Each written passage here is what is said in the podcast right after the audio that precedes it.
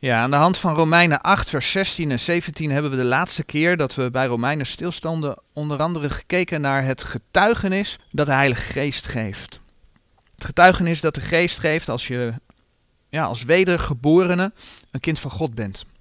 Je mag je behouden weten en dat geeft zekerheid. Daarnaast hebben we gezien wat het inhoudt dat wij erfgenamen God zijn en mede-erfgenamen van Christus. En we hebben gezien dat we, als we die Jezus kennen, als we hem hebben aangenomen als onze persoonlijke verlosser, dat we het eeuwige leven hebben. Dat krijg je, dat je een opstandingslichaam krijgt, dat krijg je. Dat je woning zal zijn in het nieuwe Jeruzalem, dat is ook iets wat vaststaat. Maar er is een deel van de erfenis dat je kunt verdienen. Als je de Heer niet trouw dient, zul je schade lijden, staat er in Gods woord. En niet met hem heersen in zijn koninkrijk. Maar als je de Heer trouw dient, zul je beloond worden en met hem heersen in zijn koninkrijk. Dat is wat de Heer in zijn woord laat zien. Nou, dat hebben we de vorige keer besproken aan de hand van Romeinen 8, vers 16 en 17. En dan willen we nu een stukje verder lezen. En dan gaan we lezen vanaf vers 18. En ik lees iets verder dan dat we vandaag bespreken. Maar voor de context is dat wel goed. Romeinen 8 vanaf vers 18. Want ik houd het daarvoor dat het lijden deze tegenwoordige tijds niet is te waarderen tegen de heerlijkheid die aan ons zal geopenbaard worden.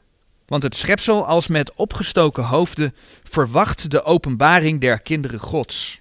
Want het schepsel is der ijdelheid onderworpen, niet gewillig, maar om diens wil die het der ijdelheid onderworpen heeft. Op hopen dat ook het schepsel zelf zal vrijgemaakt worden van de dienstbaarheid der verderfenis, tot de vrijheid der heerlijkheid der kinderen Gods. Want wij weten dat het ganse schepsel tezamen zucht en tezamen als in barensnood is tot nu toe. En niet alleen dit, maar ook wij zelf, die de eerstelingen des geestes hebben, wij ook zelf, zeg ik, zuchten in onszelf, verwachtende de aanneming tot kinderen, namelijk de verlossing onzes lichaams. Want wij zijn in hopen zalig geworden. De hoop nu die gezien wordt, is geen hoop, want hetgeen niemand ziet, waarom zal hij het ook hopen? Maar indien wij hopen hetgeen wij niet zien, zo verwachten wij het met leidzaamheid. En desgelijks ook komt de geest onze zwakheden mede te hulp, want wij weten niet wat wij bidden zullen, gelijk het behoort. Maar de geest zelf bidt voor ons met onuitsprekelijke zuchtingen. En die de harten doorzoekt, weet welke de mening des geestes is, terwijl hij naar God voor de heilige bidt. In Romeinen 8, vers 17 staat geschreven dat als wij met de Heer lijden, we ook met hem verheerlijkt zullen worden. We hebben gezien dat dat te maken heeft met de erfenis, die ons enerzijds te wachten staat, maar die we dus anderzijds kunnen verdienen. Maar dat is waar Romeinen 8, vers 18 op doorgaat. Door te zeggen, en dat gaat verder op dat lijden, want ik houd het daarvoor dat het lijden deze tegenwoordige tijd niet is te waarderen tegen de heerlijkheid die aan ons zal geopenbaard worden. De Heer houdt je dus voor dat het hier op aarde, ja, welk lijden je ook meemaakt, wat je ook tegenkomt, dat het niet opweegt tegen de heerlijkheid die Hij je zal laten zien. Het huidige lijden, ja, weegt daar niet tegen op. En dat is voor ons mensen nog wel eens moeilijk, want je leeft nu. Je ziet de dingen nu, je maakt de dingen nu mee, je voelt de dingen en dan is dat wel eens lastig. dus we voelen wat we nu voelen. We leven in het hier en nu. Maar als je de Heer kent, is dit wel wat je jezelf mag voorhouden. En zeker als je mag lijden voor de naam van de Heer Jezus. Het is niet op te wegen tegen de heerlijkheid die de Heer zal openbaren. Een tekst die daar ook over gaat vinden we in 2 Korinthe. 2 Korinthe 4 vers 17 en 18. 2 Korinthe 4, vers 17 en 18. Want onze lichte verdrukking die zeer haast voorbij gaat, werkt ons een gans zeer uitnemend eeuwig gewicht der heerlijkheid. Terwijl wij niet aanmerken de dingen die men ziet, maar de dingen die men niet ziet. Want de dingen die men ziet zijn tijdelijk, maar de dingen die men niet ziet zijn eeuwig. De Here en zijn toekomst zijn nu niet zichtbaar. Dus als we hem en zijn toekomst op grond van zijn woord zetten boven al het aardse. En daar kun je van alles voor bedenken dat wel zichtbaar is. Rijkdom, gezondheid ook, een rustig leven. Als we dat van de Heer daarboven zetten, dan mogen we dus uitzien naar wat die tekst zegt, een gans zeer uitnemend gewicht der heerlijkheid. En als je het dan hebt over dat gans zeer uitnemend gewicht, dan heb je, dat ziet dat dus op het loon en kroon. Omdat je het lijden voor de Heer plaatst boven al het aardse genot. Op loon en kroon dat je kunt verdienen. Waar we het in Romeinen 8, vers 17 over gehad hebben. En dat is dus een gans zeer uitnemend gewicht. Het aardse lijden kan daar nooit tegen opwegen. Maar ook zien we in deze verse dat het aardse tijdelijk is. Het gaat zeer haast voorbij. Maar de hemelse heerlijkheid is eeuwig. En ook dat is heel moeilijk voor te stellen. En wij waren gisteren waren we weg, een dagje. Nou kun je heel weinig naar dingen toe, maar we hebben gewoon een rondrit door Nederland gemaakt. We zijn onder andere ook naar wat plekken geweest waar we wel eens eerder geweest zijn. En dan zie je dat alles dicht zit. Dan gaat dat toch ergens wringen. Dat je denkt van, ja, hè, ze maken eigenlijk gewoon alles kapot. En tegelijkertijd dat ik dat dacht, denk ik ja, maar wij moeten niet op dat aardse gericht zijn. Het is mooi dat we weer een rondrit konden maken, dat we daarvan konden genieten. Ondanks dat het ook uh, heel fris was. Maar we moeten verder kijken. En uh, de Heer laat zien dat bepaalde dingen moeten gebeuren, ook in deze wereld. En dan is dat zo. En dan moeten we dus, ja, dat aardse, dat moeten we proberen weg te schuiven, eh, mogen we de Heer weer vergeving vragen voor het feit dat onze gedachten dan toch weer zo gaan en dat je dan toch weer denkt van wat zonde dat het allemaal zo gaat zoals het gaat. We mogen gericht zijn op de eeuwige heerlijkheid. Want het aardse gaat zeer haast voorbij. En ja, dan spreekt dat, die tekst die spreekt over een lichte verdrukking. Als je denkt aan de eeuwige heerlijkheid, dan hou je op aarde een lichte verdrukking over. Het duurt kort, terwijl we naar die eeuwigheid mogen uitzien. Nou, ik had het net al even over die rondrit. Ik, ik heb uh, wat anders.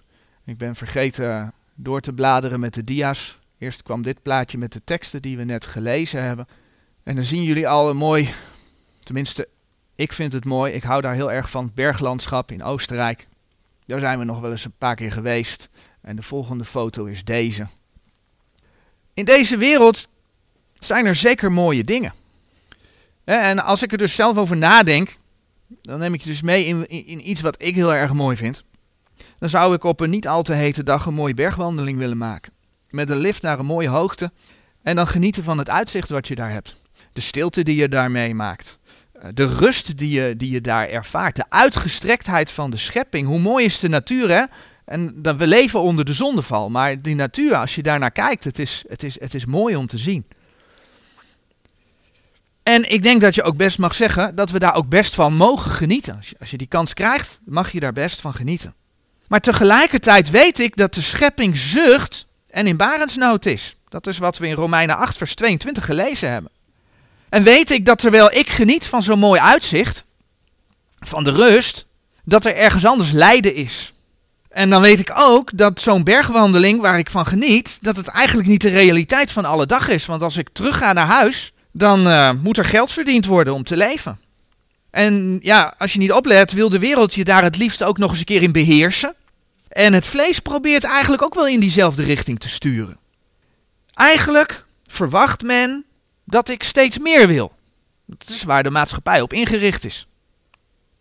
En ja, het liefste drijft de wereld je dan ook nog ver weg bij Christus. Ik vertel het nu over mezelf, maar dat geldt niet alleen mij, dat geldt ons allemaal. En als we om ons heen kijken, we hebben allemaal te maken met de wereld, met ons vlees. En als we om ons heen kijken in de wereld van vandaag, dan zien we maar al te goed dat die wereld geen rekening houdt met Gods woorden. Mensen doen elkaar pijn, er is lijden, er is zuchten. En als je dat doorhebt, dan weet je hoe belangrijk het is om als kind van God niet je blik op het aardse te richten, ondanks dat je voor een moment daar best ook van mag genieten. Maar we moeten niet onze blik op het aardse richten. We moeten verder kijken. Ja, we moeten veel verder kijken. We moeten eigenlijk over dit aardse heen kijken. Zoals gezegd, zucht die schepping. En dan lezen we in Romeinen 8, vers 19. Want het schepsel als met opgestoken hoofden verwacht de openbaring der kinderen Gods. Waar verwijst dat naar? Nou, wij als leden van het lichaam van de Heer Jezus, hè, zijn gemeente, mogen uitzien naar de opname van de gemeente. De Heer zal ons komen halen voordat zijn toren over de aarde gaat. Dus als we kort voor de opname van de gemeente leven, als we om ons heen kijken in deze tijd, dan weten we dat het niet heel lang kan duren of de Heer zal zijn gemeente komen halen. En dat zal hij doen voordat zijn toren over de aarde gaat. Nou, ik heb die teksten wel vaker genoemd, maar ik noem ze toch nog een keer. In openbaring, openbaring uh, 6 vers 16, 15 vers 1 en 15 vers 7, daar lees je dat, dat die tijd van de grote verdrukking, dat de Heer daarvan letterlijk zegt dat hij zijn toren over de aarde laat gaan. En tegen de gemeente zegt hij in 1 Thessalonicense 1 vers 10 en 1 Thessalonicense 5 vers 9, dat de gemeente niet gesteld is tot toren. Hij zal ons verlossen van de toekomende toren. Dus de Heer komt ons halen, voordat zijn toren daadwerkelijk over de aarde zal gaan. Ja, dan zijn er een heleboel, heleboel gelovigen, een heleboel kerkelijke richtingen ook, die niet in de opname willen geloven. Maar de schrift bewijst zichzelf. Want als de Heer spreekt over zijn tweede komst, en dan bladeren we naar Openbaring 19, dan komt hij terug met de hemelse heerlegers. In Openbaring 19, vers 11 lees je dat de hemel open gaat. En dan zegt Openbaring 19, vers 14. En de heerlegers in de hemel volgden hem op witte paarden, gekleed met wit en rein, fijn lijnwaad. Wie zijn die heerlegers? Nou, het wit en rein, fijn lijnwaad geeft aan om wie het gaat. Bij de bruiloft van het lam die in de eerste verse van Openbaring 19 beschreven wordt.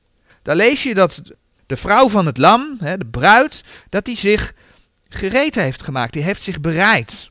En dan lees je in vers 8 van Openbaring 19 dat de vrouw van het lam zich bereid heeft, staat in vers 7.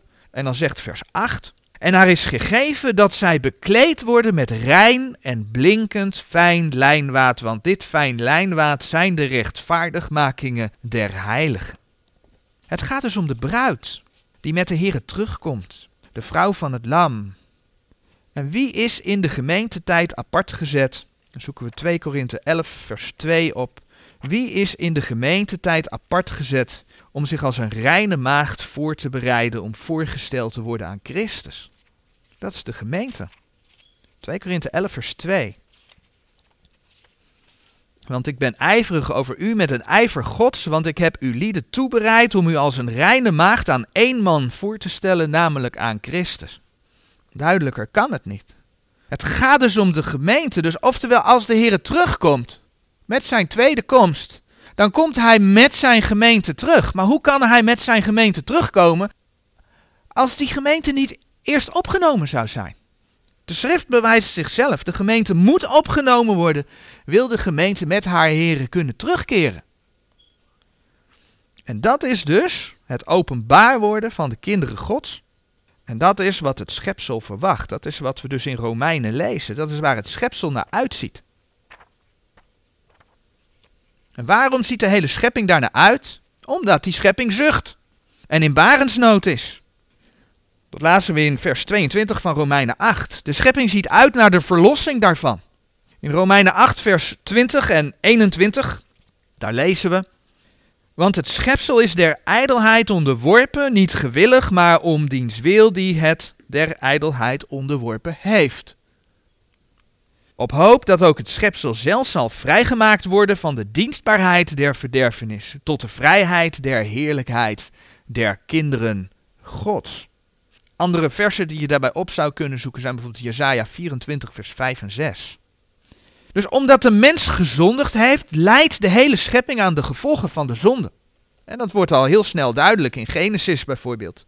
Genesis 3 vers 17, daar zegt de Heer tegen Adam: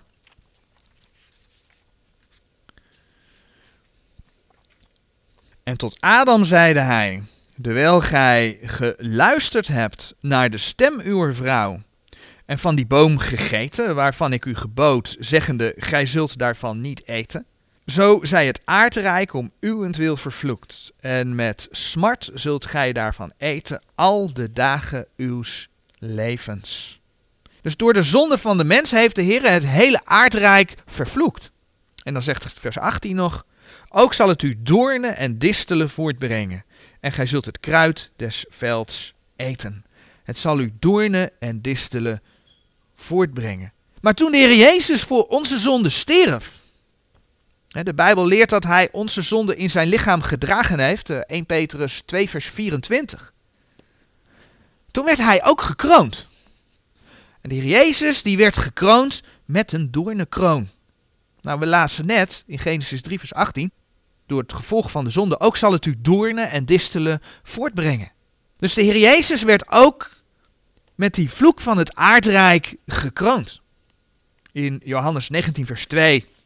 We kennen het wel, maar laat ik de tekst even lezen. Daar lezen we. Het gaat over het lijden van de Heer Jezus. En dan staat daar, en de krijgsknechten een kroon van doornen gevlochten hebbende, zetten die op zijn hoofd en wierpen hem een purperen kleed om. De Heer Jezus droeg de vloek van de zonde voor ons weg, maar droeg daarmee ook de vloek die over de schepping gekomen was. Dat droeg hij weg. En daarom ziet de schepping uit naar de openbaring van de kinderen Gods, want het schepsel zal vrijgemaakt worden van de dienstbaarheid der verderfenis. Dat hebben we zojuist gelezen. En het resultaat? Nou, het resultaat, dat wordt ook in de schrift beschreven. Als de Heer terugkomt en zijn vijanden verslaat, dan doet hij dat volgens Openbaring 19, vers 15 met een scherp zwaard. Een scherp zwaard. De Bijbel gebruikt daar het zwaard en dan kun je ook meteen denken aan het zwaard des geestes. Nou, hij rekent af met, een scherp, met, met zijn vijanden door middel van een scherp zwaard. Hij zal de heidenen hoeden met een ijzeren roede. Dat staat allemaal in Openbaring 19, vers 15. Maar zo lees je over de antichrist bijvoorbeeld. Dat hij niet gedaan zal worden, 2 Thessalonicense 2, vers 8, door de geest zijns monds. Iets anders wat we zien gebeuren als de Heer terugkomt, is dat de profeet Zacharia duidelijk maakt, Zacharia 14, vers 16 dat alle heidenen naar Jeruzalem zullen optrekken om de Heer te eren. En laten we dan eens, als we dat in het achterhoofd hebben, bladeren naar Jesaja 11, vers 4 tot en met 10. Jesaja 11, vers 4 tot en met 10. Maar hij zal de armen met gericht, gerechtigheid richten en de zachtmoedige des lands met rechtmatigheid bestraffen. Doch hij zal de aarde slaan met de roede zijns monds en met de adem zijner lippen zal hij de goddeloze doden. Want gerechtigheid zal de gordel zijner lendenen zijn, ook zal de waarheid de gordel zijner lendenen zijn. En de wolf zal met het lam verkeren, en de luipaard bij de geitenbok nederliggen, en het kalf en de jonge leeuw en het mestvee tezamen, en een klein jongske zal ze drijven. De koe en de berin zullen tezamen weiden, haar jongen zullen tezamen nederliggen, en de leeuw zal stro eten gelijk de os. En een zoogkind zal, zal zich vermaken over het hol van een adder. En een gespeend kind zal zijn hand uitsteken in de kuil van de basilisk. Een basilisk is een gevaarlijke slang. Men zal nergens leed doen, noch verderven op de ganse berg mijner heiligheid. Want de aarde zal vol kennis des Heren zijn, gelijk de wateren de bodem der zee bedekken. Want het zal geschieden tenzelfde dagen dat de heidenen naar de wortel van Isaï, die staan zal tot een banier der volken, zullen vragen. En zijn rust zal heerlijk zijn. Zien we wat die tweede komst van de Heer, wat zijn heerschappij op aarde doet met het aardrijk. En dat is dus waar die schepping naar uitziet. Die schepping gaat verlost worden van die vloek van de zonde.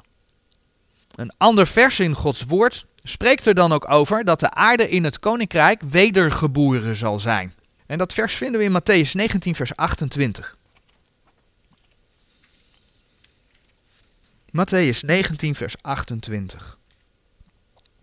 En Jezus zeide tot hen, voorwaar, ik zeg u dat gij die mij gevolgd zijt in de wedergeboorte, wanneer de Zoon des Mensen zal gezeten zijn op de troon zijner heerlijkheid, dat gij ook zult zitten op de twaalf tronen, oordelende de twaalf geslachten Israëls. En Jezus zeide tot hen, voorwaar, ik zeg u dat gij die mij gevolgd zijt in de wedergeboorte, en dan gaat het dus niet over de gemeentetijd, daar staat wat achter, wanneer de Zoon des Mensen zal gezeten zijn op de troon zijner heerlijkheid. Het gaat dus niet over de wedergeboorte van de, van de mensen in deze tijd, van, in de gemeentetijd. Dit gaat over de tijd dat Heer Jezus op de troon van zijn heerlijkheid zal zitten. Een ander vers dat daarover spreekt is Matthäus 25, vers 31. Zacharia 14, vers 9 spreekt over het feit dat de Heer koning zal zijn over de hele aarde. Dus dat is de troon die in Jeruzalem zal staan als hij over deze aarde gaat regeren. Dat gaat dus over de periode van het koninkrijk. En dan zal dus de aarde wedergeboren zijn zoals we in de andere versen gelezen hebben. Maar tot die tijd, Tot die tijd is er met de schepping aan de hand wat we in Romeinen 8, vers 22 hebben gelezen. Romeinen 8, vers 22 nogmaals. Want wij weten dat het ganse schepsel tezamen zucht en tezamen als in barensnood is tot nu toe. En dat is de reden dat die schepping verwacht, net als wij overigens. Maar daar gaan we dan een volgende keer mee verder.